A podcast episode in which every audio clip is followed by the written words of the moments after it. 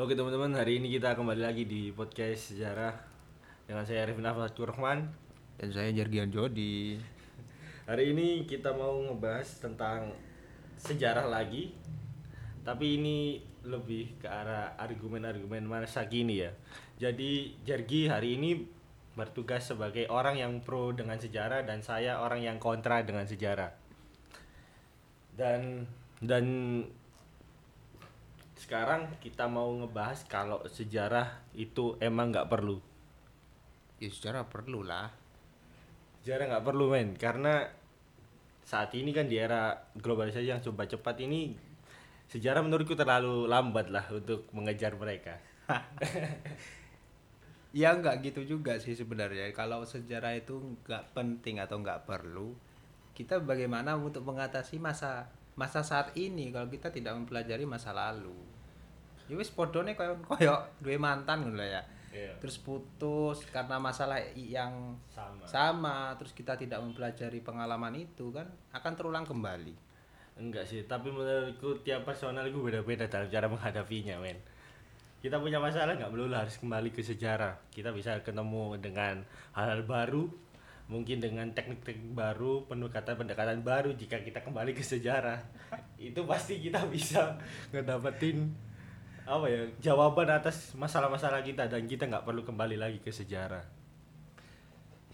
kalau sejarah itu sebenarnya nggak nggak kita bukan berarti tidak bisa move on dengan masa lalu ya tapi bagaimana kita mampu mempelajari kasus-kasus yang pernah kita alami sebelumnya terus kita di satu titik kita menghadapi kasus yang serupa dengan masa lalu dan kita menghadapinya ya dengan hal yang sama yang yakni mempelajari dari kisah-kisah yang dulu. Tapi kalau misalkan sejarah itu nggak penting ya Indonesia mungkin nggak akan merdeka sampai sekarang.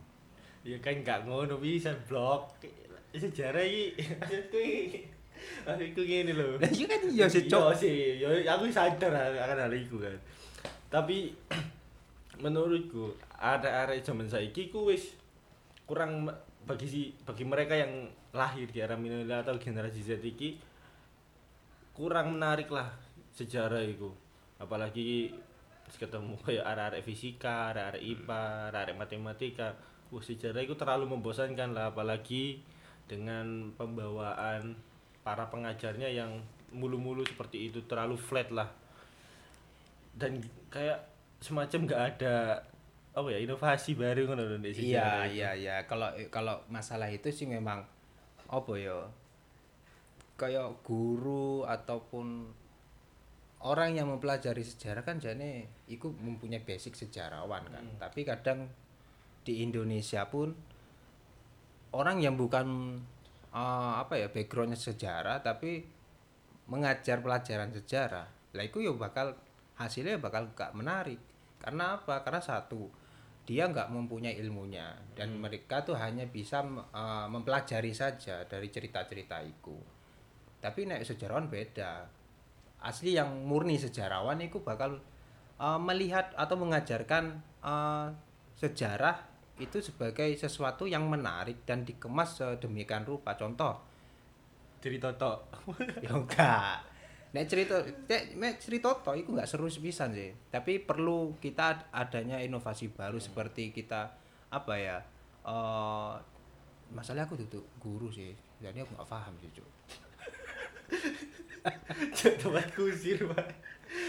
Tapi ya menurut iki sejarah iki kayak apa ya wis kehilangan masa lalu lah oke lah lek anjani kita kembali ke tahun 1945 sampai eh kembali ke masa lampau lah sebelum 1970-an di era Presiden Soekarno itu kan orang-orang besar itu kan banyak yang selalu banyak mengutip dari sejarah sih tentang perjuangan-perjuangan iya, eh, iya. pendahulunya perjuangan perjuangan berapa perjuangan-perjuangan orang-orang di luar negeri yang setelah merdeka Ya. kayak gitu kan mereka mempelajari Heeh. Nah, kalau sekarang itu kayak waktunya era globalisasi ini kayak semuanya harus disebat cepat ngono. Industri ku tidak membutuhkan masyarakat sejarah.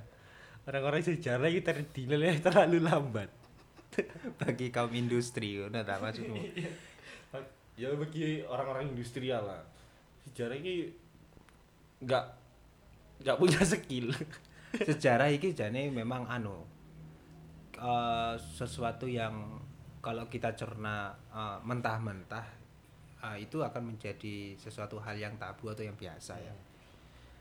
Tapi bagaimana kita melihat sejarah itu sendiri kita dapat eh, apa? Sebenarnya sejarah itu dinamis. Kita mempelajari masa lalu itu dinamis sebenarnya. Eh, apa ya istilahnya itu kayak AWDW misalkan ingin mengetahui sesuatu dan ketika sesuatu itu sudah kita dapat dan itu bakal bakal apa ya istilah itu kayak apa yang kita dapatkan itu berbeda dengan orang yang mempelajari sejarah juga. Jadi sejarah itu tidak menemukan sesuatu yang benar sebenarnya.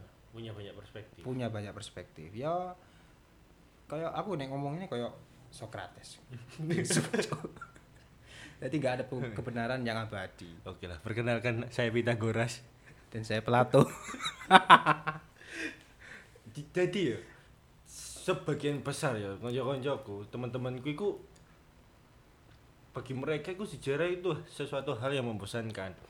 Terlebih lagi contoh ya temanku dari salah satu anak di perguruan tinggi negeri arek teknologi pertanian itu bilang kalau sejarah itu sesuatu yang flat lah membosankan.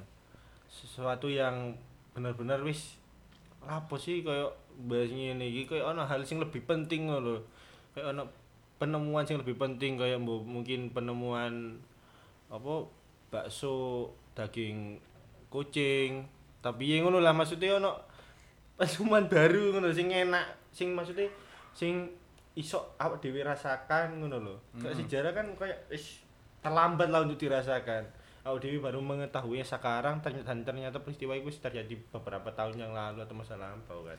Terus kayak ngene mana ya nek koncomu iku sing bag- bagian tek apa? Teknik pertanian. Mereka dia itu nggak bisa eh, langsung terjun ke lapangan kan. Iya. mereka mempelajari dulu. Atau misalkan memang keluarganya dia atau orang tuanya dia sebagai petani. Dan untuk mengolah sawah atau lahan itu kan kudu ono carane kan. Jadi dia mempelajari dulu gimana pak?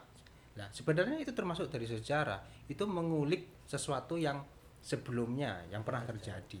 Seperti itu. Tapi kita sebagai orang yang bukan tanda kutip bukan sejarawan ya sejarah sejarah itu sebagai sesuatu yang eh, gak asik nih menurut mereka. Tapi sebenarnya dalam kehidupan sehari-hari mereka tuh sebenarnya mempelajari sejarah itu sendiri. Contoh semisal kalau kita ingin bekerja bekerja bekerja maksudnya.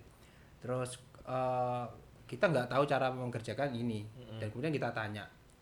Dan yang kita tanya mereka tuh menceritakan masa kok seperti pekerjaan yang ini. Lah, itu sebenarnya menggali sejarah sebenarnya. Cuma dalam konteksnya kita ingin mempelajari ilmu ilmunya. Ya nah, tapi itu termasuk sejarah sih menurut bagimu ya? Bagiku. Menurut menurutku. Sejarah wis kudu wayahe, Bro. Ayolah. Mending mari ngene S2 iki njupuk liyane ayo aja sejarah. Itu hal-hal yang menurutku terlalu lamban lah bagi kemajuan bangsa iki. Orang-orang Indonesia iki kan terlalu eh, terlalu bangga atas kemerdekaan Indonesia, bangga dengan euforia kemerdekaan Indonesia dan hari habis ini kan kita November dan kita memperingati Hari Pahlawan. Dan memperingati ku pun ya menurutku ya gak usah diperingati lah. Lah terus cukup, ya apa? ya cukup mendoakan aja para pahlawan gak usah memperingati kayak kolosal meng- mengingat jasa-jasa para pahlawan yang telah gugur mendahului kita ya ya wis lah mereka itu kan pahlawan itu kan mereka yang rela kenyamanannya terenggut demi kenyamanan orang lain kan Lah menurutku mereka ya wis ikhlas lah dengan hal itu. Mereka gak butuh awakmu, gak butuh doamu, kok ya wis cukup lah kayak itu Roy. Emangnya pahlawan iku ya. Untuk memberi, memperingati Hari Pahlawan, nek misalkan iku me- mengambil persepsimu, kita nggak usah mengadakan eh, peringatan ya. Hari peringatan eh iki lah pahlawan sing mbok maksud iku. Terus apa menjamin dah orang-orang itu akan berdoa untuk pahlawan? Lah iya saya Lah saiki apa ya? Sekarang ya banyak seka besok ya tanggal 10 November itu aku yakin banyak orang-orang pegawai negeri sipil itu akan melakukan upacara pasti ya pasti kan dan no, akan memberikan semangat semangat tentang kesejarahan lah semangat semangat kesejarahan dan semangat semangat tentang spirit Pahlawan. para pahlawan Pahlawan, kala iya. itu perjuangan mereka dan nanti pada saat sesi berdoa mengheningkan cipta hmm.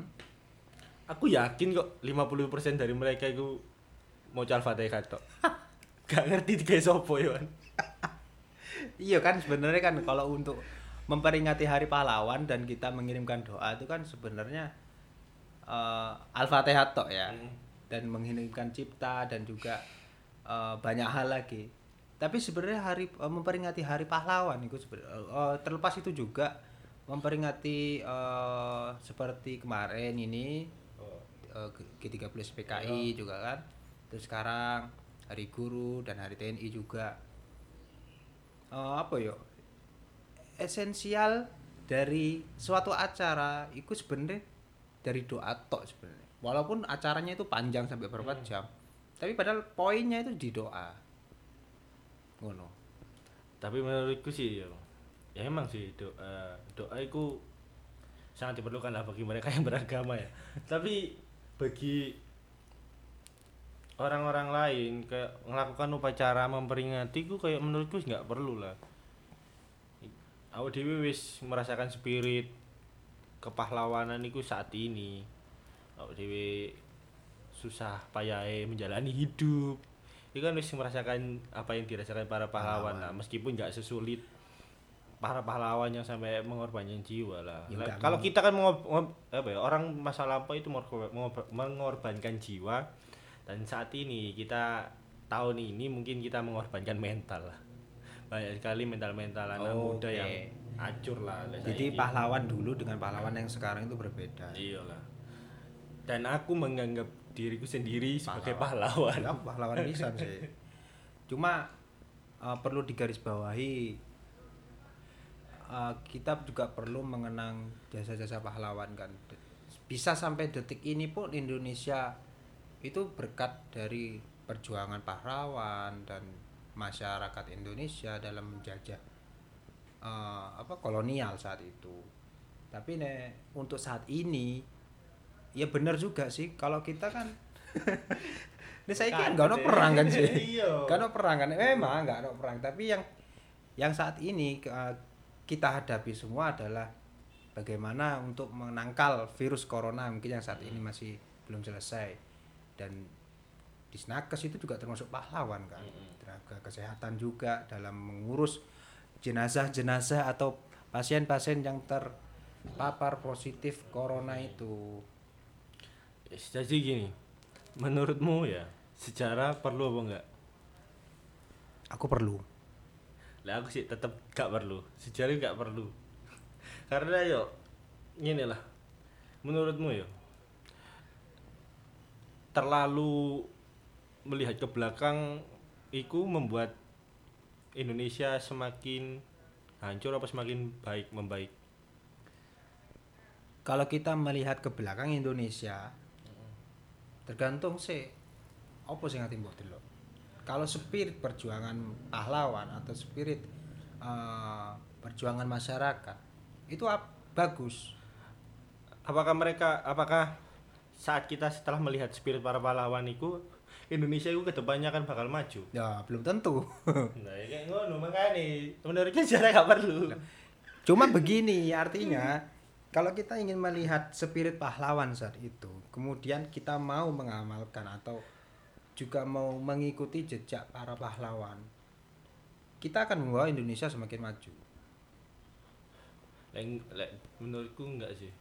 Karena kita kalau melihat ke belakang itu kita hanya melihat tentang inovasi-inovasi pahlawan pada masa itu lah kayak Presiden Soekarno mungkin mengadakan apa ya?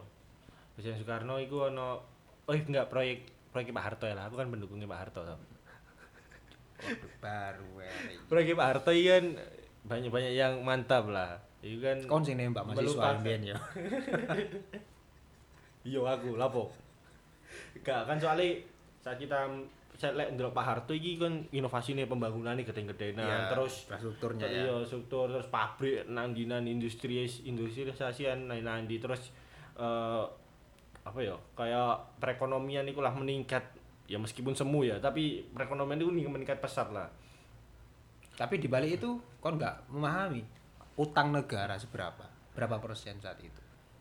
Ya kan lebih baik daripada sekarang kan sekarang kan dipangan dewe lek biyen kan yo dikekno pembangunan iku lek menurutku lo ya Tumpang tindih saja niku. Sebenarnya apa yang kita lakukan atau pemimpin negara yang dilakukan itu pasti ada plus minusnya sih. Ya enggak sih?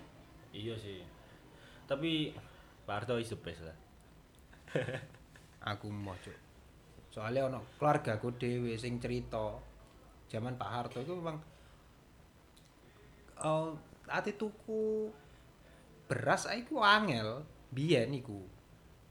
lali gak nggo duit balik Gak ada duit aja biyen. Enggak, cuma gini ya. Kalau ini balik lagi sejarah itu penting atau enggak? Sejarah itu sebenarnya juga kita terapkan dalam kehidupan sehari-hari kita. Bagaimana kita untuk mengetahui eh, silsilah keluarga kita itu termasuk sejarah juga dan juga bagaimana kita untuk mengenal antara masyarakat yang berbeda dengan kita seperti orang Jawa dan Madura.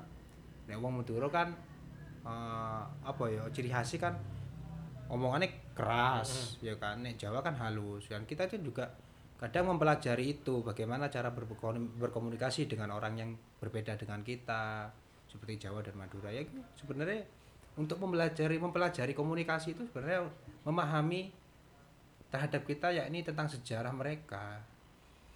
Ngono.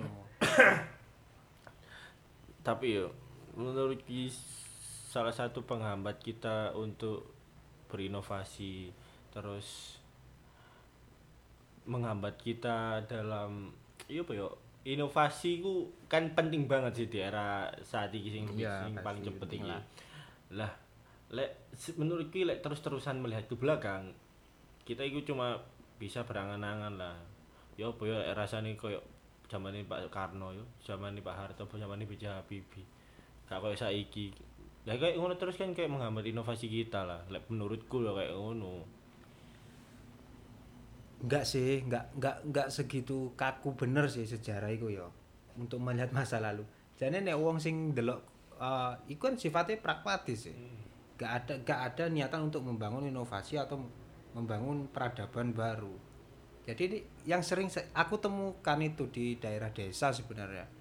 Orang-orang tua sendiri yang yang kadang eh, ngobrol sama saya ya menceritakan seperti itu. Ya apa ya misalkan aku kangen dengan suasana eh, mbien cek zamane Pak eh, Pak Harto dan juga cek zamane Pak SBY atau dan lain-lain ya sebenarnya ada sisi bagusnya juga dalam kepe- kepemimpinan saat itu tapi kita tidak eh, menolak juga bahwa dalam kepemimpin- kepemimpinan itu juga terjadi adanya eh, hal-hal yang tidak sesuai dengan apa yang mereka mau seperti masyarakat yang tun- yang menuntut sebuah eh, kayak kasus-kasus kemarin bagaimana banyak sekali kan mahasiswa-mahasiswa melakukan demonstran kan itu untuk menuntut hak-hak mereka ya sebenarnya kita juga eh, tidak meng apa ya istilah itu gak apa ya gak usah lah kita terlalu melihat masa lalu